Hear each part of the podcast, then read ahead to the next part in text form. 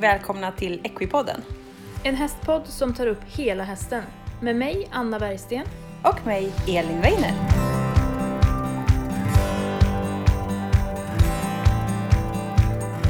Hej på er och välkomna till veckans avsnitt av Equipodden.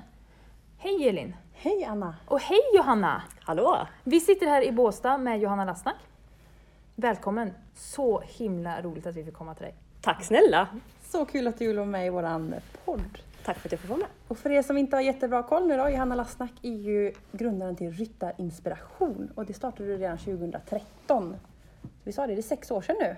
Ja, vi satt precis när du sa Ja. 2013, jag bara ja det är 2013, det är nästan sex år sedan. Det är galet när man tänker på det, men kul. Häftigt. Och Johanna är ju en jättestor inspiratör i hästvärlden. Du är föreläsare, du inspirerar, du coachar, mental coach och hjälper unga ryttare att lyckas med det de vill och få en bra mental inställning. Och det är ju superhäftigt.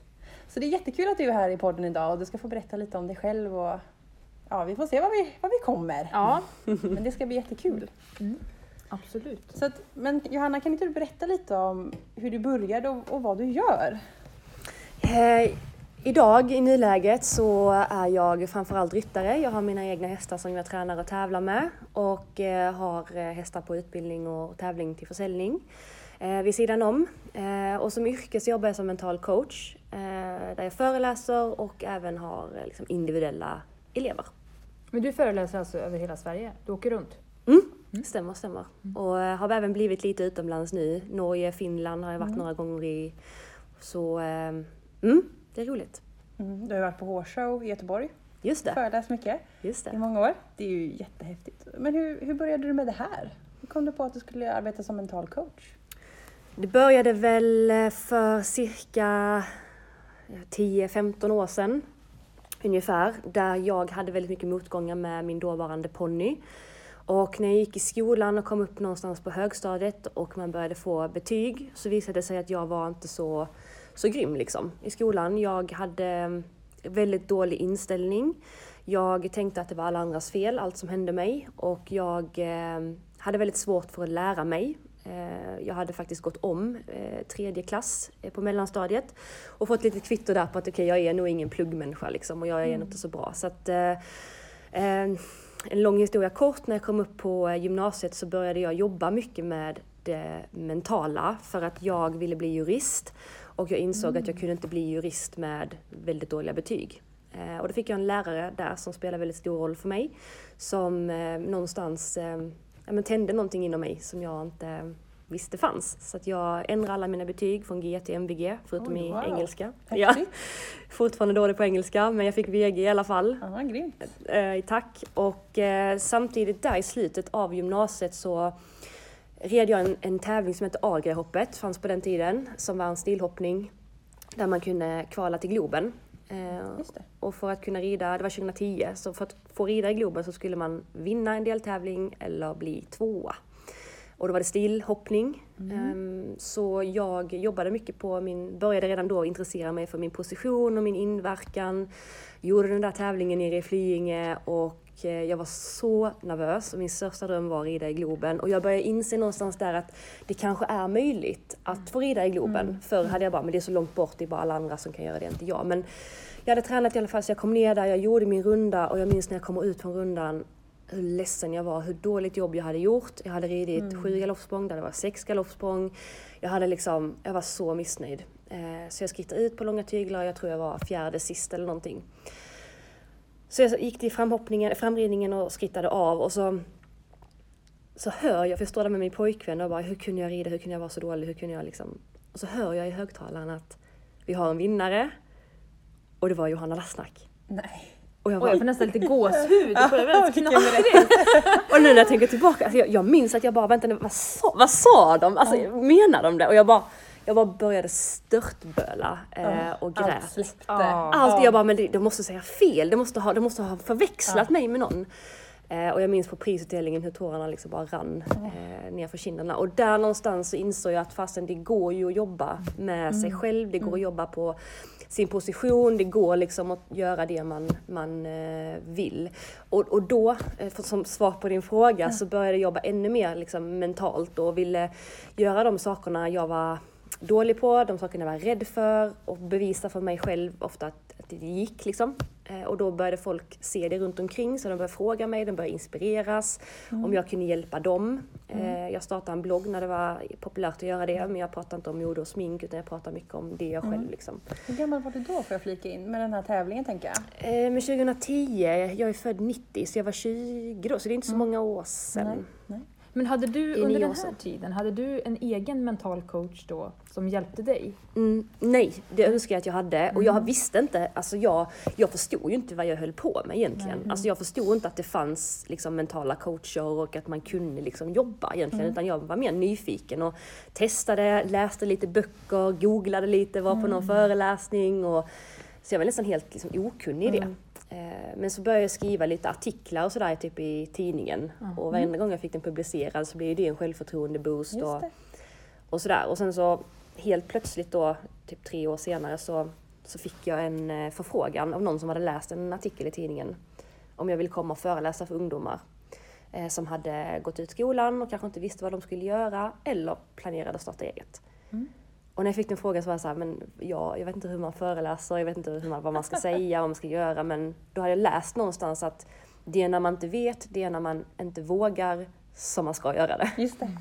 Så jag svarade ja utan att jag ens liksom...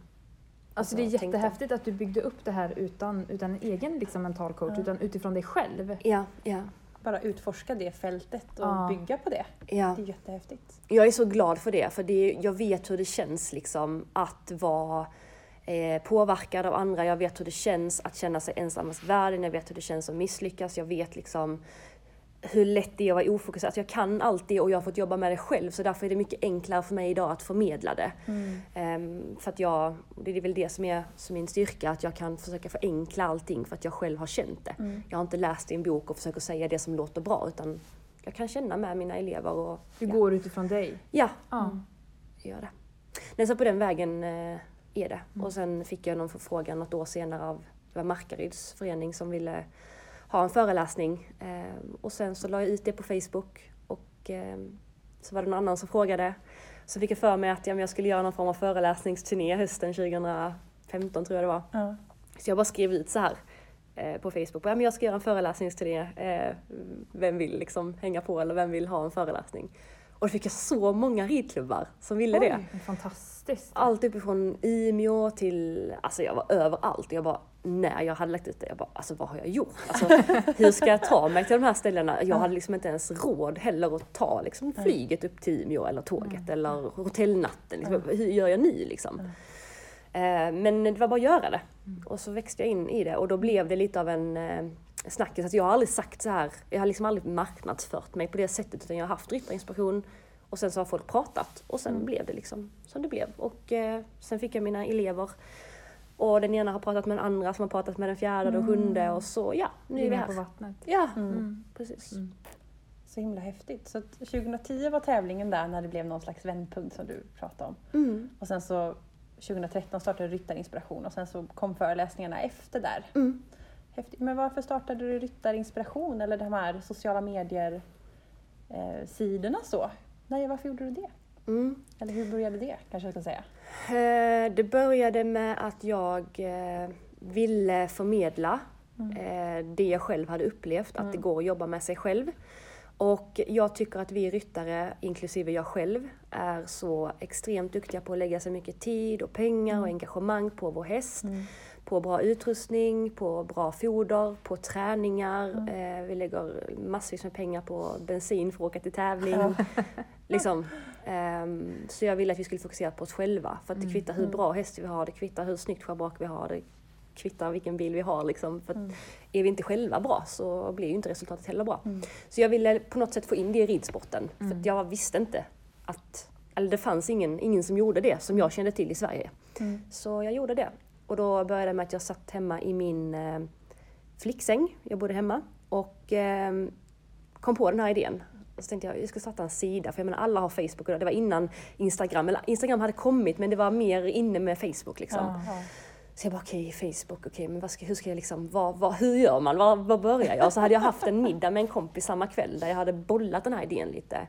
Och hon var jätteskeptisk och tänkte, men vad, vad tänker du med det här och vem ska lajka det och vem ska liksom Alltså, ja. Men så satt jag där i alla fall och jag bara, men ryttarmotivation, inspiration, ryttare, bara, ryttarinspiration. Ja men det säger ändå namnet liksom. Så jag bara gick in på Facebook utan att tänka, skapa sidan. Så. Och sen så bara, okej vad fan har jag gjort? Vad ska, jag- vad ska jag publicera? Vad ska det innehålla? Jag hade liksom ingen plan. Eh, och så la jag upp en bild liksom, med ett citat då, som jag själv hade läst och som jag själv blev inspirerad av. Och så minns jag liksom att jag bara, hur ska jag få folk att lajka liksom? Så jag bjöd in några vänner och jag satt där och jag minns att jag väntade på den första liken.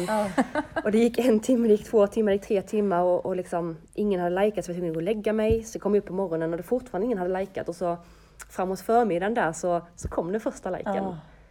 Och så senare blev den två. Sen blev den tio. Och nu ser man ju de här bilderna överallt. Ja. Mm. Så att det, de nej men det, ja, det är jätteroligt. Mm. Så där Otroligt forum att nå ut. Mm. Super. Ja. Och du berättade ju förut här att du var väldigt kreativ. Mm. Mm. Jag har alltid varit kreativ. Jag tror det är min styrka fortfarande idag. Att jag, jag har extremt mycket idéer och jag är inte rädd för att hugga på dem. Sen kanske jag inte har hela kartan. Jag kanske inte har en strategi. Jag kanske inte exakt vet hur jag ska göra men jag vågar kasta mig ut och testa. Eh, och lite grann som vi var inne på innan ju. Eh, när, innan vi startade nu eh, så, så sa ni till mig att ni började podda, ni kanske inte hade den absolut bästa utrustningen, ni kanske inte hade möjlighet att ha det, men ni började i alla fall. Så att ni kastade er ut och började med det ni ville, även om ni kanske inte hade allt det som de absolut bästa podd... Mm. Nej, vi Alltså, började ju med det vi hade. Ni började med det ni Ja. hade liksom. Eh, Och det, det tror jag är en styrka, att börja fast man inte har allt. Liksom. Ja. Samma för dig i sängen. Ja, Nu startar vi det här. Exakt. Ja. Och så får det ena leda till det andra. Men jag tror ibland vill man ha allting direkt. Alltså så ser man inte hela, liksom, hela vägen och ser man liksom inte resultatet eller får resultatet efter en dag eller en vecka eller en månad så ger man upp lite grann. Men jag tror att man måste vara noga med att börja, fortsätt trots att ingen ser dig, trots att du inte får några resultat. Kör på, bara gör det. För en dag så kommer någonting att komma som leder dig in på någonting som senare leder, in, leder dig in till någon. Som, alltså, där börjar det. Men, man måste liksom börja. Man måste ju vara lite ihärdig. Mm. Mm. Och det kan man ju absolut säga att du har varit. Du har ju gjort en fantastisk resa alltså. Ja. Mm. Verkligen. Mm. Jag tror när man gör det för sig själv och inte för bekräftelse, då är det lättare. Eh, För att gör man det för andras skull eller sådär, då är det lätt att man, eh, om det blåser lite motvind eller det kommer en uppförsbacke, att man ger upp. Därför Just att eh, det finns ingen anledning att fortsätta, för anledningen var någon annan. Just det. Så att, Den här personliga Ja, men- viljan och drivkraften i sig själv. Ja. Mm. och nyfikenheten och eh, att man inte är rädd för att, att det kan bli fel. Man är inte rädd för att göra bort sig, man är inte rädd för att misslyckas. Man kanske är det, men man vet att det är det som krävs för att ta sig vidare. Jag hade en föreläsning på EM, för, när var EM? Två år sedan? Ungefär i Göteborg. Ja, det tror jag. Eller ja, jag vet inte. Men när det var EM i Göteborg i alla fall så skulle jag få föreläsa där. Och jag menar då hade jag ändå varit igång ett tag och sådär. Men då sitter jag där, förbereder mig, hon som ska på mig börjar presentera mig och jag sitter liksom på en sån här låda där de har sån här, ja men lite olika bygggrejer. Och så hör jag bara, välkommen upp på scen Johanna Lasnak. Så jag reser mig upp på den här och inser att jag har suttit i något som är så blött. så, så hela, liksom, hela rumpan, all hela låren, det var liksom bara en blöt pöl.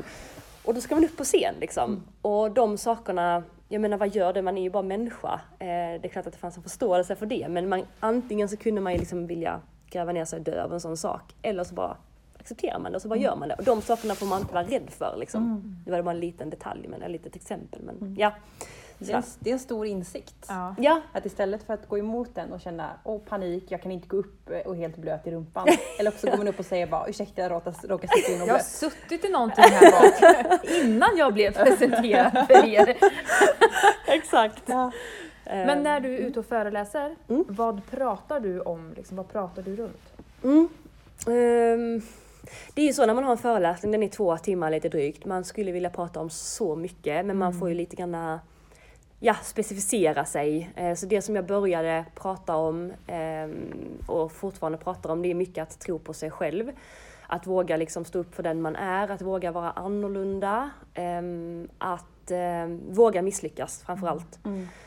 Att, att misslyckande är liksom inte ett misslyckande utan det är en lärdom. Att man, att man eh, misslyckas ju av en anledning. Mm. Det är för att man inte hade den kunskapen som den situationen krävde. Och ska man då se det som ett misslyckande så tappar man ju själva utvecklingen. Du vet ju inte liksom hur du ska gå vidare. Så att, så att varenda gång jag, jag misslyckas och det jag försöker liksom förmedla det är att det finns någonting att lära. Eh, och det, det finns en anledning till varför det som hände hände. Antingen var det någonting du inte visste om, antingen var det någonting hästen försökte förmedla som du inte såg. Eh, och då är det liksom vår uppgift som ryttare att ta reda på vad är det?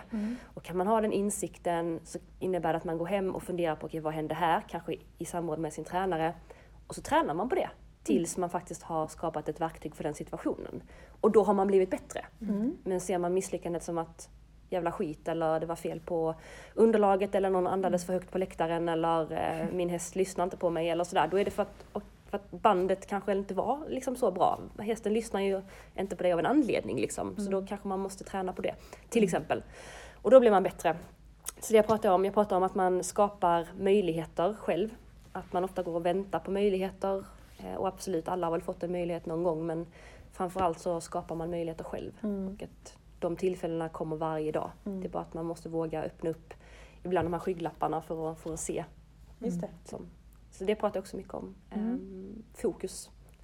Lite lätt hur man går in i sin bubbla och fokuserar där och hur man kommer tillbaka om man skulle tappa fokus. Vi pratade lite om det innan vi satte på inspelning här, att alltså det här med mental coaching eller mental träning är ju på tapeten. Jag upplever att det är på tapeten. Mm. Mer än vad det var förut. Vad är det som gör att du liksom ser det idag? Eller vad? Jag behöver inte gå längre än till mig själv. Mm.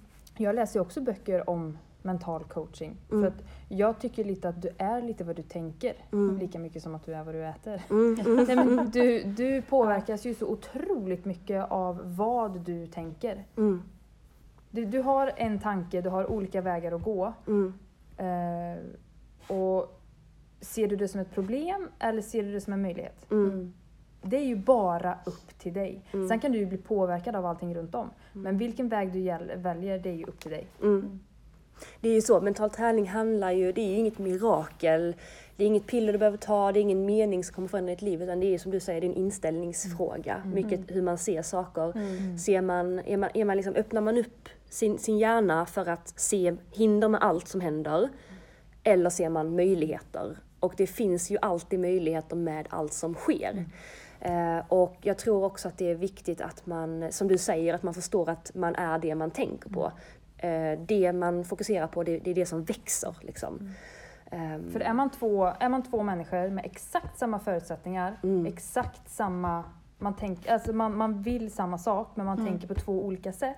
Det är klart att det spretar åt två olika håll. mm, En kanske har en mer, inte negativ, men ser problematiken istället för möjligheterna. Mm. Det är klart att det går åt två olika håll. mm, En lyckas, en gör kanske inte det. så är det. Nej, men det är kul att höra att du säger att, det, att du ser det mer på tapeten. För jag tror att vi blir mer medvetna, både genom sociala medier men också, jag menar utvecklingen går ju framåt. Och eh, den mentala biten, att jobba med den har ju varit väldigt självklart under en längre tid i, i friidrotten, i golf framför allt, många andra i- idrottsgrenar. Eh, men det är inte nu för de senaste tio åren som vi har förstått att oj, Peder kanske jobbar med mental träning. McLean Ward, eh, Laura Croft. Alltså det är väldigt många stora ryttare som jobbar mentalt. Ehm, innan så var mental träning lite så här, ja men det var lite tabu, att man var lite dum i huvudet. Lite luddigt. Ja, och lite luddigt också. Ja. Och, att, och just framförallt att man tänker att jag behöver ingen mental träning, det är väl inget fel på mig. Och att man bara ska ta hjälp eh, när det går dåligt. Och det är inte det det handlar om, utan det handlar ju också hur kan jag bli ännu bättre? Sen kan jag jag också idag. känna kanske att det är lite på tapeten för att det är många som mår ganska dåligt. Ja. Mm. Eh, många, ja, många unga människor som mår dåligt, dålig självkänsla, dåligt självförtroende. Mm. Eh, för det är så mycket, vi kommer komma in på det här mer sen, men det är så mycket matande från alla håll och kanter Mm. om hur du kanske ska vara eller Mm. hur du ska se ut eller sådana saker. Så jag tror att ihop, hand i hand med att det är många som mår dåligt så tror jag hand i hand kommer den mentala träningen. Ja, Mm. precis. Och det tycker jag är fantastiskt bra. Mm. Och det känns som det drivs väldigt mycket forskning på just mental träning Mm. och inställning och, och sådär. Och, och det är som Johanna sa här att elit, elitidrottare alltid hållit på med det. Det är ju han Unestål liksom. Mm. Gå in i ditt vinnarrum. ja, men det har väl alla hört på idrotten i skolan liksom. Ja. Och, det är ju, och då kändes det så luddigt så här, okej nu ska jag springa ett lopp och jag ska vinna. Och det kändes så konstigt när man är i hobby, amatör, glada skogen-ryttaren eller tränare, eller om man tränar. Men att det är så viktigt och det kommer mer och mer och stresshantering och ja, ni lyssnare, ni vet ju det, jag, jag har jobbat i försvaret. Och när jag gick in i försvaret gjorde grundutbildningen 2013 och då hade vi mental träning som en del i vår grundutbildning Mm. där vi gjorde det varje dag, satt och gjorde eh, mental träningsövningar för att hantera stress och, och få lugn i sig. Mm. Och det var jättenytt då. Det var så skeptisk i den här fyrkantiga och eh, militära världen. Eh, Men jag, jag, gillar, jag gillar det. Jag använder de övningarna idag också när jag blir stressad faktiskt. Mm. Det är jättebra. För det är så bra för sig själv.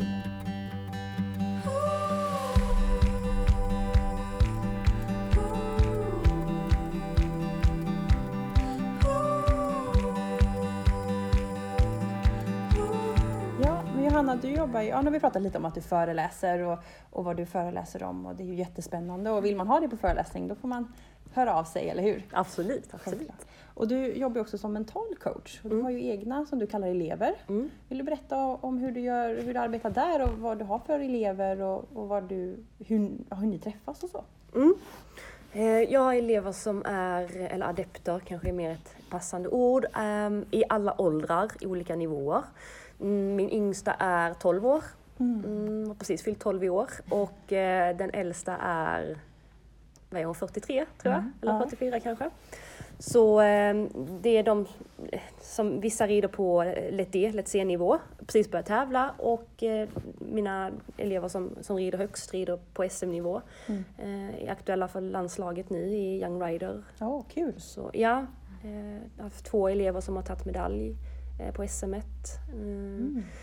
Någon som red Skandinavium här nu nyligen och ja men det, det är roligt. Det är blandat. Det är väldigt, Mm. väldigt, väldigt blandat och det som är roligt eh, är, eller roligt är det väl inte, men det som kan vara skönt att höra det är att alla har ungefär samma problem Ja. oavsett eh, vilken nivå man rider på. Och någonting när jag började jobba med mina adepter och började träffa nya människor och sådär så kunde jag tänka att ja, men hon rider på den här nivån och hon, vadå, ska hon ta hjälp av mig? Liksom, vadå? Det, är väl, det ser ju jättebra ut när hon rider. Men det är så mycket som man inte vet. Mm. Och det tror jag är viktigt att bära med sig som, som ryttare själv, att man är inte ensam. Och att även om man känner på framhoppningen att det verkar gå så bra för alla andra, så lovar jag att alla andra har sina egna problem också. Mm. Och eh, ofta pratar vi just om det här alla andra. Liksom. Och jag tänker bara så här, vem är alla andra? För att tänker man på det så är ju alla andra, alla andra för alla andra också. Ja, verkligen. Eller hur? Ja, absolut. absolut. Så jag menar, jag är ju alla andra för någon annan. Ja. Men den personen är ju alla andra för mig. Så då blir det liksom bara alla andra hela tiden när vi egentligen all, allihopa har liknande problem. Liksom. Så eh, jag tror det är viktigt ibland att känna till det, att man inte är ensam. Och grejen är, hur ska man kunna veta det när ingen säger det? Jag menar, jag har alltid, hela min uppväxt, hela min ponnytid, halva min storhetskarriär tänkt att jag är ensam om att liksom, eh, tänka mer på de som sitter på läktaren än första hindret. Liksom. Alltså, och haft problem att kunna fokusera och brytt mig mer om eh, hur min outfit ser ut än hur mina övergångar är. Liksom. Det, och det, det tror jag är lite så det är. Mm. Eh, men att det går att jobba med. Mm. Vad var frågan? Ja, men ja, nu... Ja. Ja, jag kommer inte ihåg hur vi kom in, hur vi Nej, kom men in på det. ditt Men, arbete som mental coach. Ja, nej men just det. Nej men så att eh, det som är, nu kan jag inte gå in exakt på hur vi jobbar och sådär men det som det handlar mycket om det är att bygga upp ett mentalt system. Mm. Att man har ett system som man kan falla tillbaka på. Det vill säga att man har rutiner. Eh, både för sig själv, för sin häst, på hemma eh, och på tävling då. Att allting alltid är samma. Mm. Eh, och att man ser tävlingen som ett, mer som ett jobb. Mm. Därför att jag, jag vet att man gör det här för att det är roligt. Jag gör också det för att det är roligt. Men har man ibland fokus på att det är roligt, då tänker man att "Men det här ska vara roligt. Men det är ju inte roligt för jag är jättenervös. Jag är ju livrädd för att gå Ja. in i den här eh, 1,20-klassen. Då är det ju inte roligt. Då hjälper det inte att mamma säger det viktigaste är ju att ha roligt. Därför att det är ju inte kul. Vi gör det för att vi älskar hästar, för att vi tycker det är roligt, men det är inte roligt att känna de känslorna. Så kan man istället ha tävlingarna som ett jobb. Att man, det är som att man går på ICA, eller man, man jobbar på ICA. Man går till ICA, tar på sig en uniform, sätter sig i kassan, säger hej och hej då, eh, ha en trevlig dag, hänga av sig uniformen och gå hem. Mm. Kan man ha det lite mer objektivt, att det inte är så mycket känslor inblandat, så är det lättare att göra ett bra jobb. Eh, och att hålla sig neutral i allt som sker. Att om någonting går jättebra, att man liksom inte blir överglad för det. Därför att då, då, liksom, då flyter man iväg. Då, då lägger man mycket känslor på att Alltså mycket energi på de här känslorna, att allting gick så himla bra, jag vann den här klassen, så att man tappar kanske det till nästa klass. Samma sak är det när det går bra eller dåligt i, i första klassen, att man inte sjunker ner hela vägen ner och bara åh det här gick skitdåligt, jag är värdelös, bla bla bla. Utan att man bara okej okay, det gick dåligt, kan jag ta med mig någonting till nästa klass? Svaret är ja, jag kan lära mig det här, kanon, det gör jag det. Okej, okay, jag vann den här första klassen, jättebra, men jag har en annan klass också. Sen kan man efteråt liksom gå in i känslorna. För att alla känslor förstör. Eh, Och vi är ju känslomänniskor, vi, är, vi, vi går ju på känsla. Ja. Men det är ju de, det är också, nerv- nervositet är också en känsla.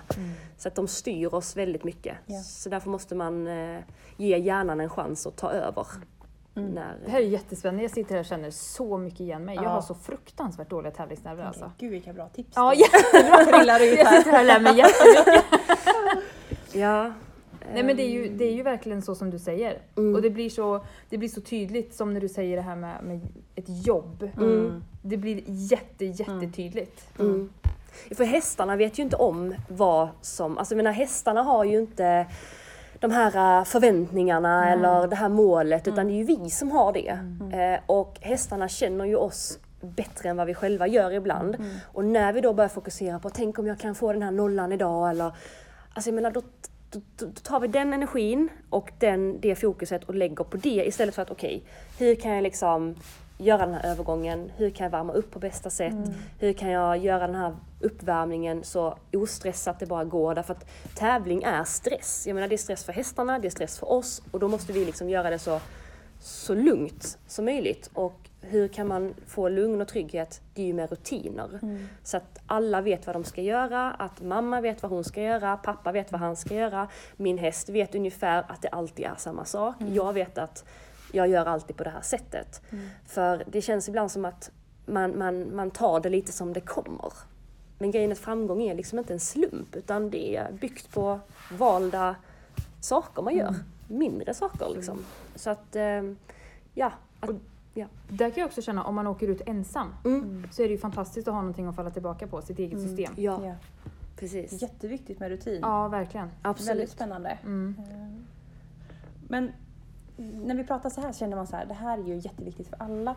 Tror du alla behöver jobba mentalt? Eller när ska man söka hjälp av en mental coach? Eller hur mycket kan man göra själv? Och, Jag tror, alltså först måste det komma från en själv. Så antingen kanske det har varit så att det har gått dåligt så pass lång tid eller att man har varit i den här onda cirkeln så pass lång tid så att man är så jäkla trött på det så att man bara, nu, nu gör jag vad som helst. Jag måste bara liksom ändra mönster för det är det det handlar om. Eh, för ofta så gör vi samma saker hela tiden och så förväntar vi oss helt nya resultat. Grejen är bara att de sakerna man gör idag och igår och förra veckan kommer ju leda till precis samma sak. Liksom. Så att man måste ju ändra saker och ibland är det svårt att bryta det själv. Men sen också de som, jag har ju elever som är väldigt framgångsrika även när de kom till mig. Men helt plötsligt nu har de börjat få sponsorer som hör av sig, människor börjar se dem och nu ska de på större mästerskap och de ska liksom liksom, då, då, behöver de bli ännu bättre på att hantera framgången. Liksom. Så att jag tror att det, det, det är absolut någonting för alla. Men det måste komma inifrån. Man måste förstå att okej, jag kan bli bättre. Och att det är inte något fel på en. Utan tvärtom. Att det handlar om att faktiskt ge sig den möjligheten att ja, bli, bli bättre. Liksom. Vad det nu innebär. häftigt. Mm. Ja, det känns som viktigt och som Anna sa här innan, att många mår väldigt dåligt och att det är lätt så, som Johanna också sa, att det är så lätt att tänka jag är ensam i det här, det är bara jag som inte löser det här och stressen kommer på svårare och svårare och man ändrar saker för att lösa problem och glömma bort sin grundrutin. Mm, mm. Superintressant. Johanna, du är också en väldigt stor förebild. Du har jättestora sociala medier och du har otroligt många följare varje dag och antagligen många som skriver och hör av sig. Hur känns det och hur tänker du i den rollen? Mm. Ja men det är svårt faktiskt vad jag tänker. Jag tycker att det är hedrande och roligt att så många följer. Ehm, samtidigt har- har man ju ett enormt ansvar utifrån det man lägger upp. Och, och sådär. Och någonting som har varit viktigt för mig just kring det här är att från början när jag började med mina sociala medier, även när jag bara hade 30 följare, att, att alltid vara mig själv. Ehm, det vill säga att jag lägger upp, alltså kollar man mitt Instagramflöde det är inte mycket redigering på de bilderna. Det är inte liksom jättegenomtänkt utan det är lite granna, ja, bild, text, alltså lite så. Och att det, hur ska jag förklara det, men att jag inte liksom förskönar saker och ting. För att många gånger när jag har lärt känna människor som är stora på sociala medier så kan jag få en helt annan bild av dem när jag träffar dem på riktigt. Och det har gjort mig så besviken. Samma sak när jag har träffat ryttare, när jag var yngre, man kanske skulle gå fram och få en autograf eller prata med någon.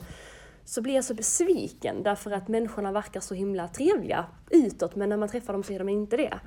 Eh, och jag försöker liksom vara så som jag är på sociala medier, det är så jag är i verkliga livet.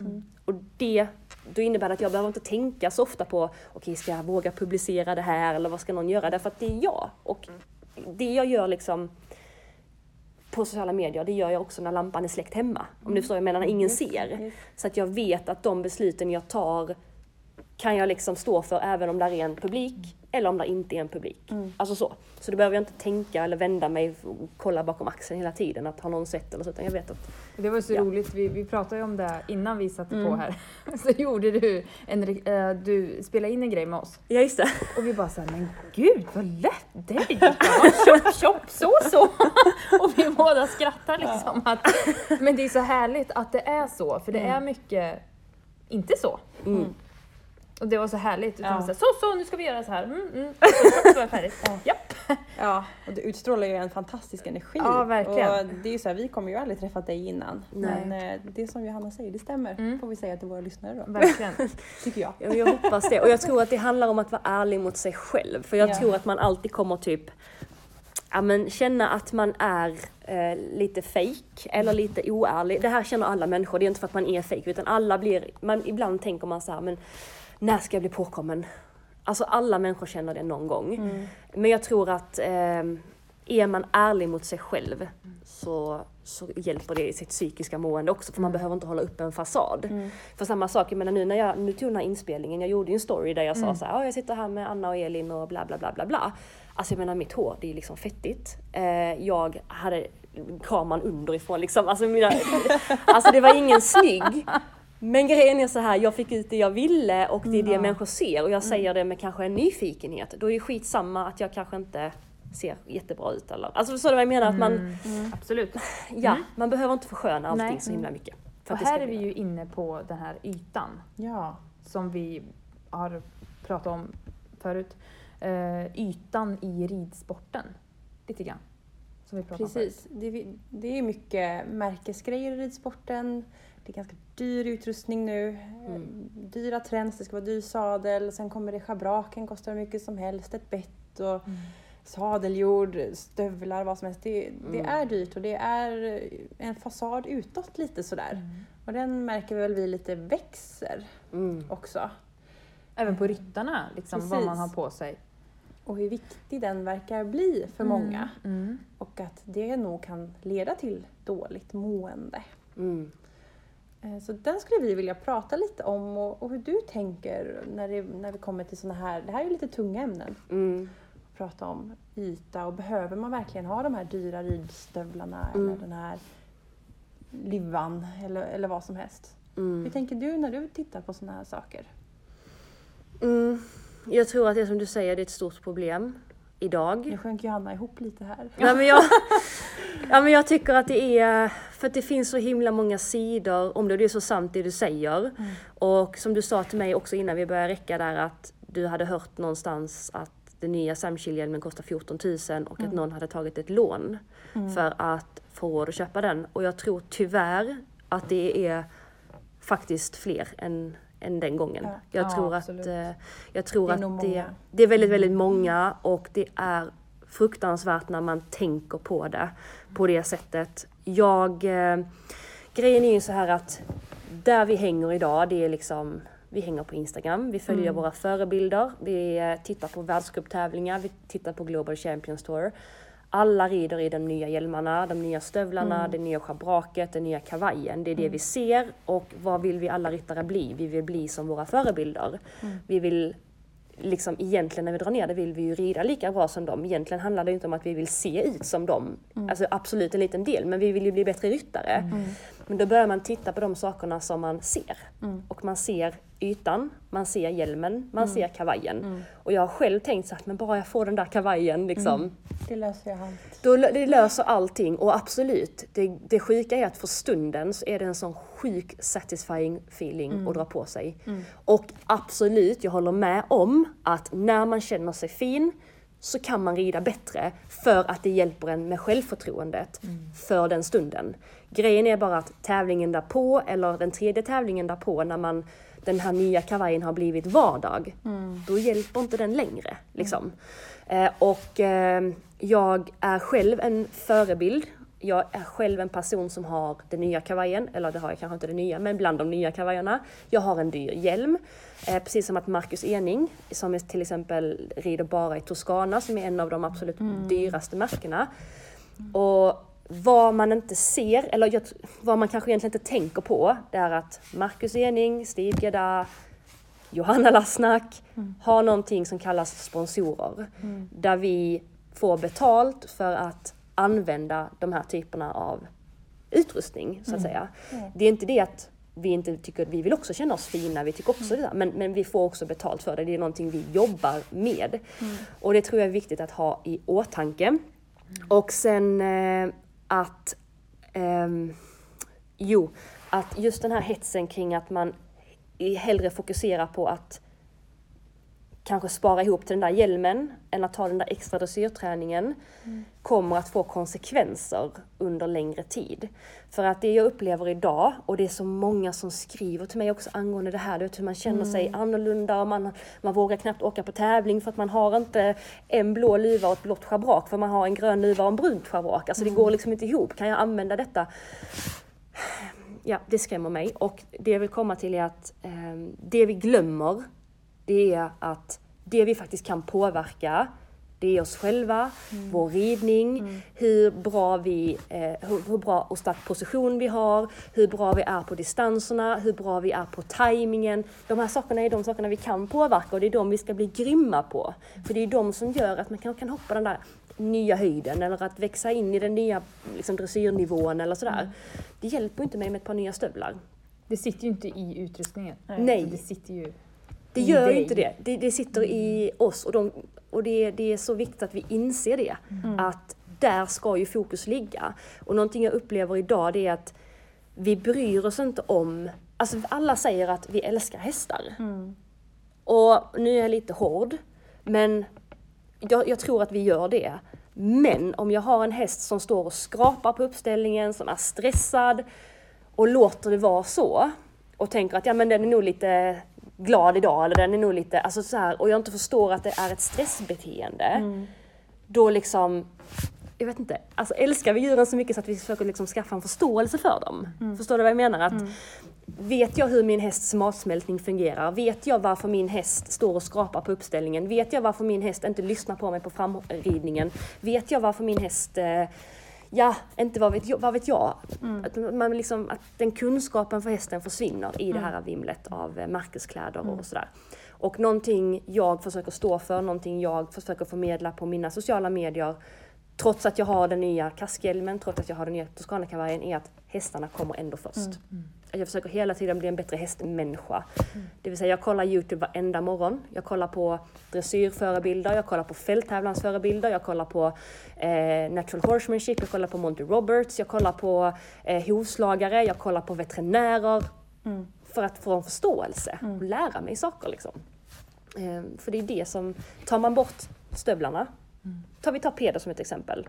Tar vi bort hans sponsorkontrakt med H&M, tar vi bort hans stövlar, tar vi bort All In till exempel. Absolut, han hade inte varit lika framgångsrik, men han hade haft en extremt stark bas att börja bygga upp allting igen.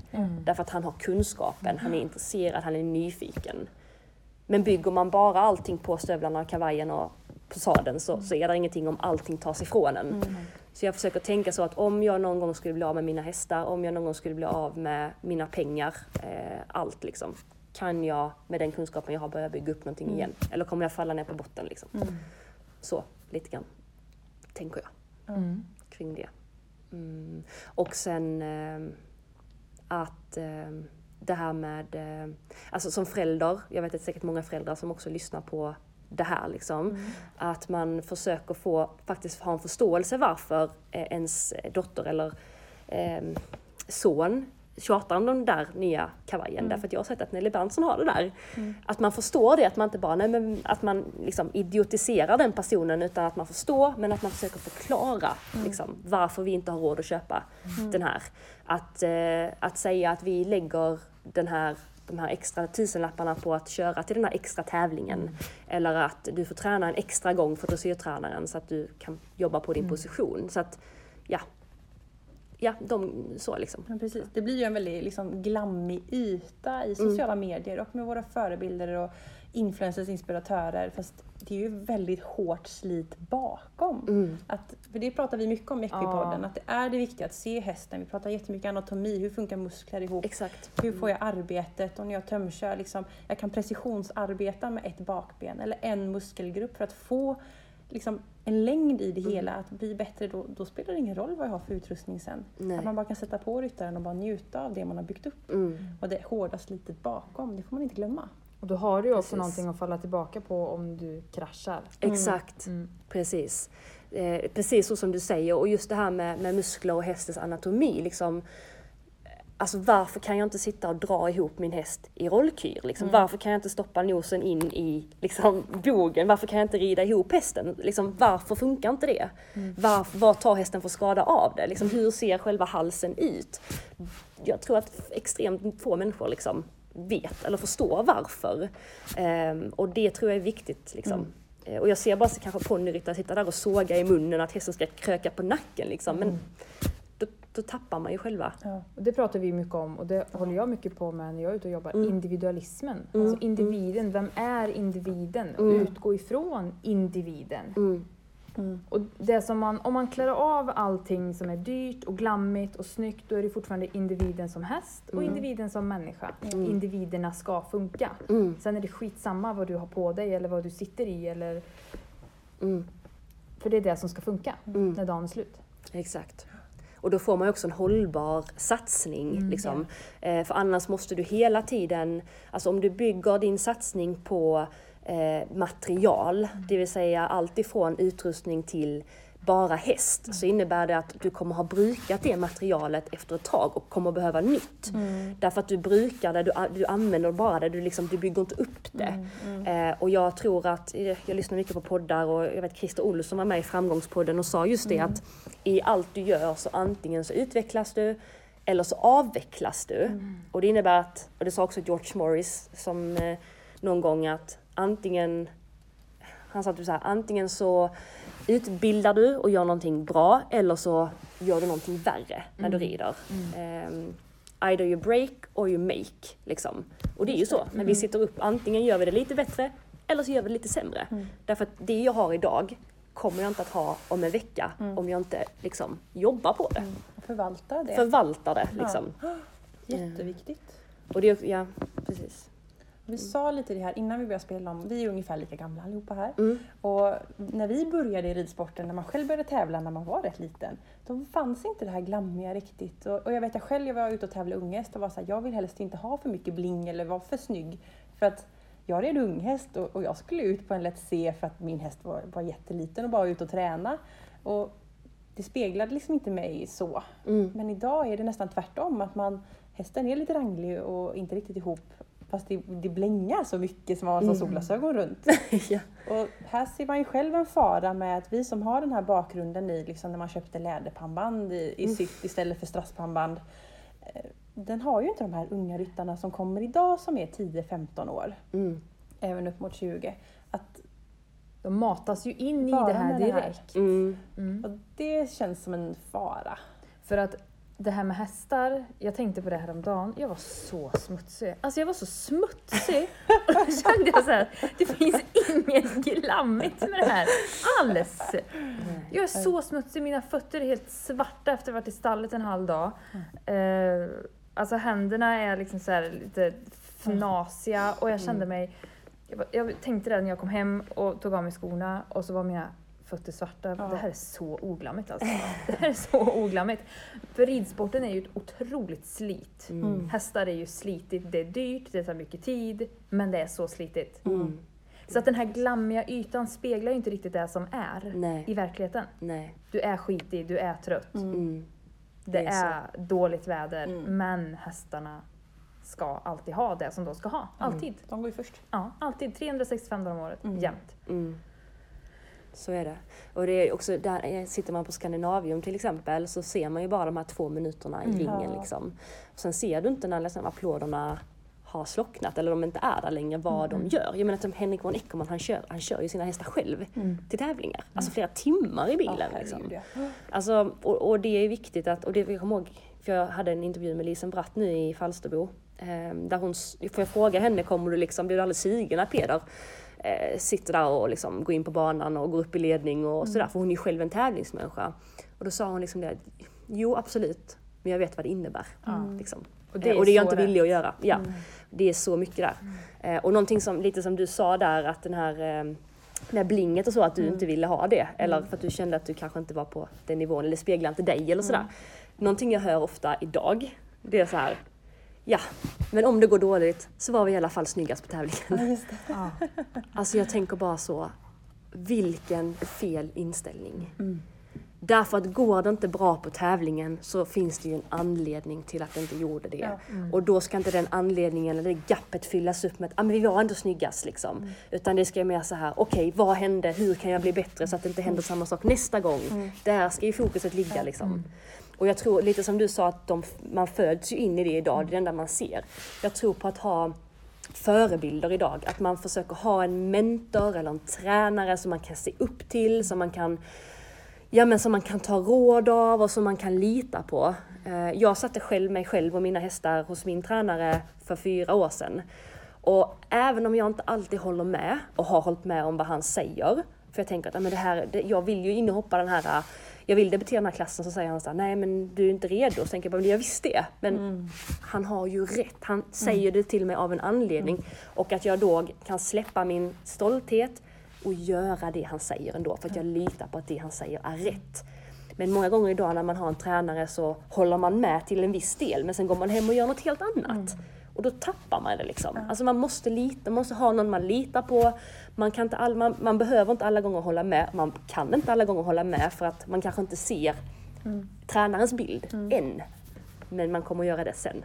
Det är de här korta kickarna hela tiden. Ja. Som du sa, där, men jag, det gick inget bra, men jag är fortfarande snyggast. Ja, Jag får den här yes, exakt. kicken och sen kommer nästa kick. Ja men jag debuterade här, jag anmäler mig, yes. Ja. Det gick skit men jag var snygg, yes. Att de här korta kickarna, att vi lever det hela tiden, det här informationsflödet, internet, sociala medier. Jag bläddrar tio bilder på Instagram och snyggt och så här yes, kick Ja. på det. Alltså det är snabba kickar.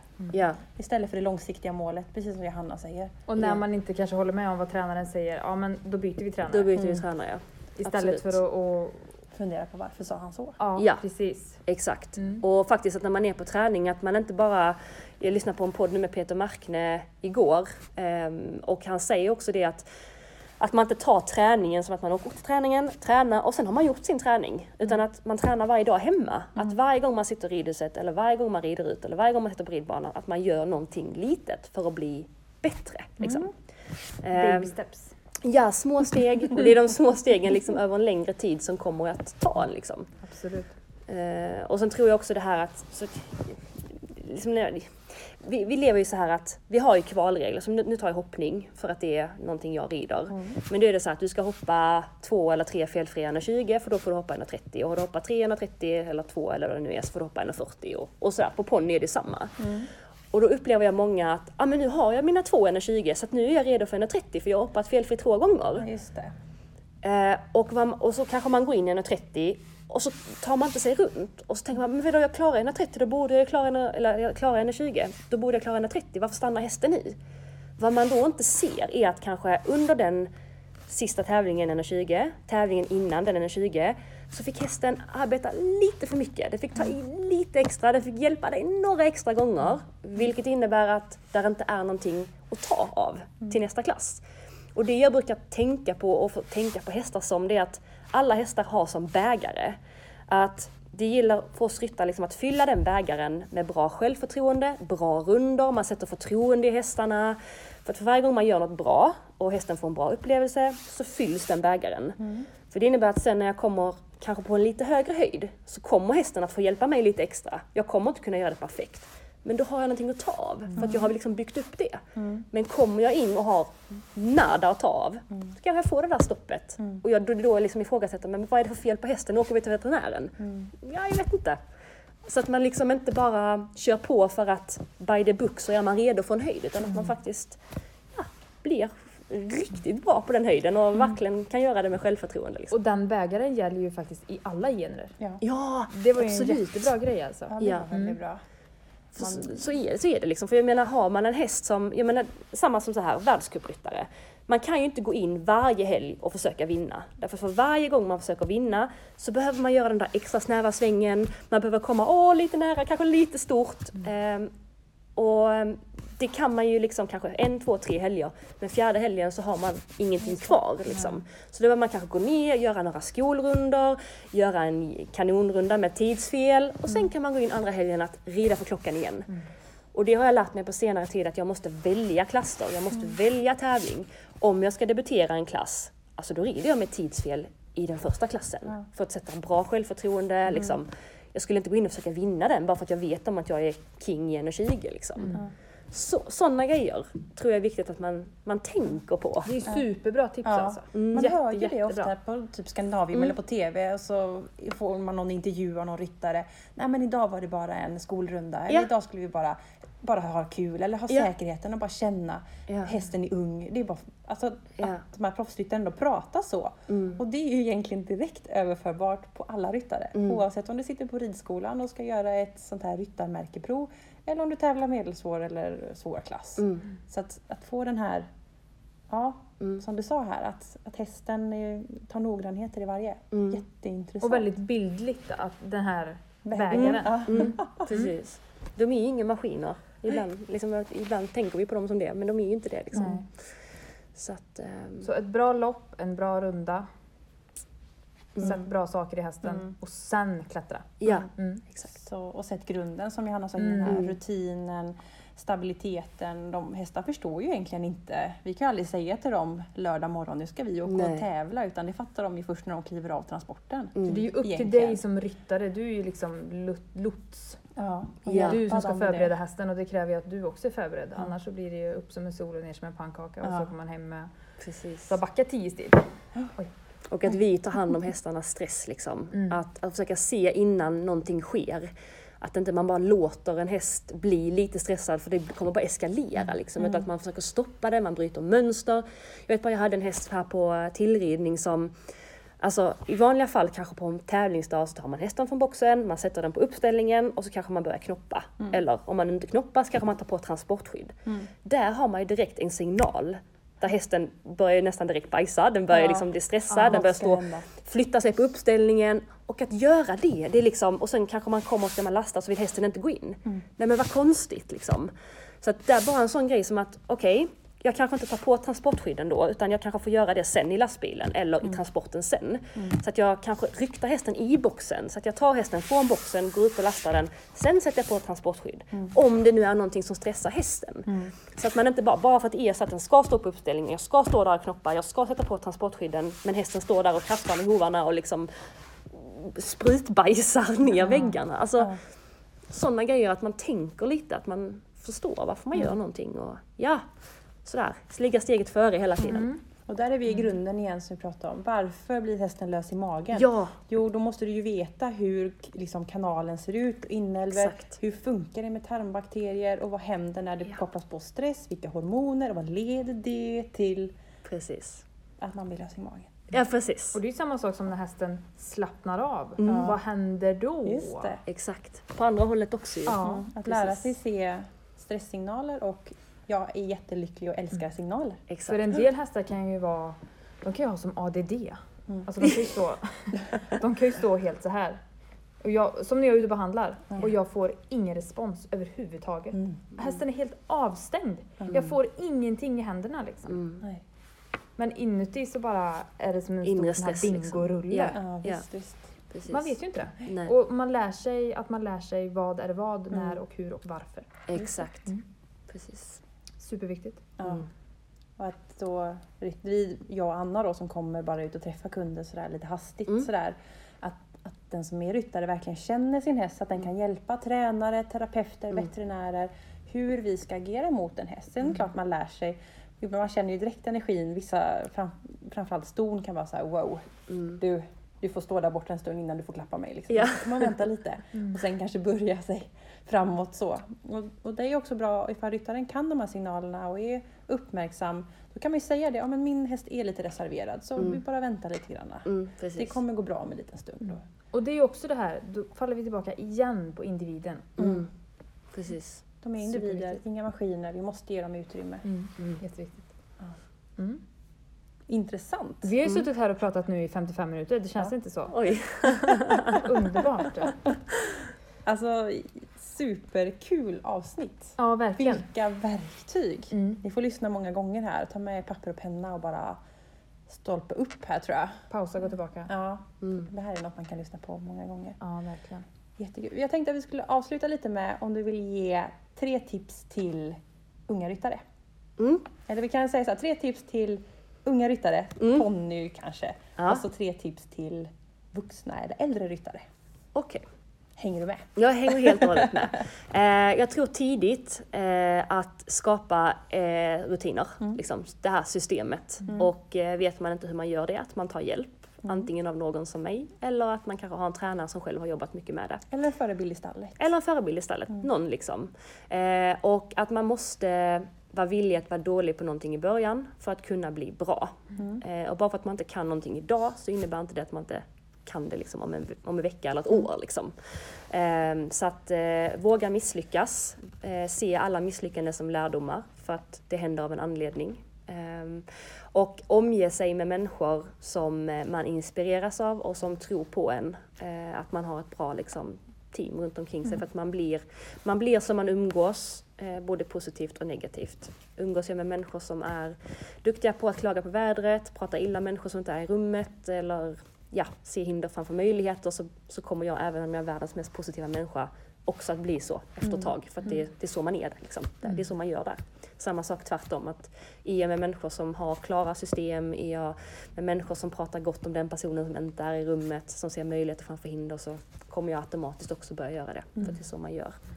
Så att det är väl de, eh, de eh, tipsen jag har. Mm. Ehm, våga, liksom, våga stå för den man är, att vara annorlunda. Alla människor känner vi oss annorlunda på olika sätt och att det är vår ehm, det är, liksom vår, det, det, det, det, det är det som är det grymma, att vi är annorlunda. Titta på alla ryttare idag. Jämför Kevin Storm med Malin Bajard. De är två helt olika människor mentalt, kroppsligt, men de rider på ungefär samma nivå. Och gör ungefär lika bra ifrån sig, liksom upp och ner såklart. Men att man inte försöker efterlikna andra människor för mycket. Ta inspiration men gör det också till ditt eget. Och sen eh, äldre ryttare, ja, att vara inte rädd för att eh, Alltså det, ofta säger man att det är svårt att lära gamla hundar att sitta, men jag, är nog, alltså jag, jag håller faktiskt inte med om det. Utan jag tror att vi alla människor faktiskt kan ändra oss. Och att man eh, vågar göra det även när man blir lite äldre. Att man vågar ta ny hjälp eller sådär. Eh, någonting jag också brukar, eh, som jag själv gör och som jag tycker är bra, det är att man börjar dagen på ett bra sätt. Börja genom att lyssna på en podd eller börja genom att titta på ett Youtube-avsnitt om man har möjlighet. Eller att liksom mata hjärnan med bra grejer. Ehm, och att man tar varje arbetspass som att antingen blir det bättre eller så kommer jag göra någonting sämre beroende på vad jag gör. Mm. Och någonting, det sista tipset som jag också tycker är bra, det är att när man sitter där hemma i ridhuset och tragglar och ingenting funkar, så brukar jag göra två saker. Antingen så släpper jag tyglarna och bara tar några jättedjupa andetag för att få upp lite syre till hjärnan så hjärnan funkar, men också att jag kan slappna av. Och sen när jag tar tyglarna igen så tänker jag att jag sitter på typ tortillas eller brioche. Liksom. Om jag hade gjort det, hade jag börjat dra som fasen i högertygeln direkt eller hade jag gjort allting med lite mer för fina hjälper och liksom känt mig för? Och tips nummer två är att hur hade jag ridit om till exempel Peder hade suttit på läktaren och tittat. Liksom. Hade jag suttit där på halvlånga tyglar och tänkt på något helt annat liksom, eller suttit där och scrollat Instagramflödet eller hade jag liksom fasen gjort mitt bästa. Så det, det är de tipsen jag har. Superbra tips. Jättebra tips. Jättekul och tack så mycket Johanna. Ja. Och du har ju lite spännande saker som kommer nu. Mm. Nu är det måndag den sjätte Ja, stämmer.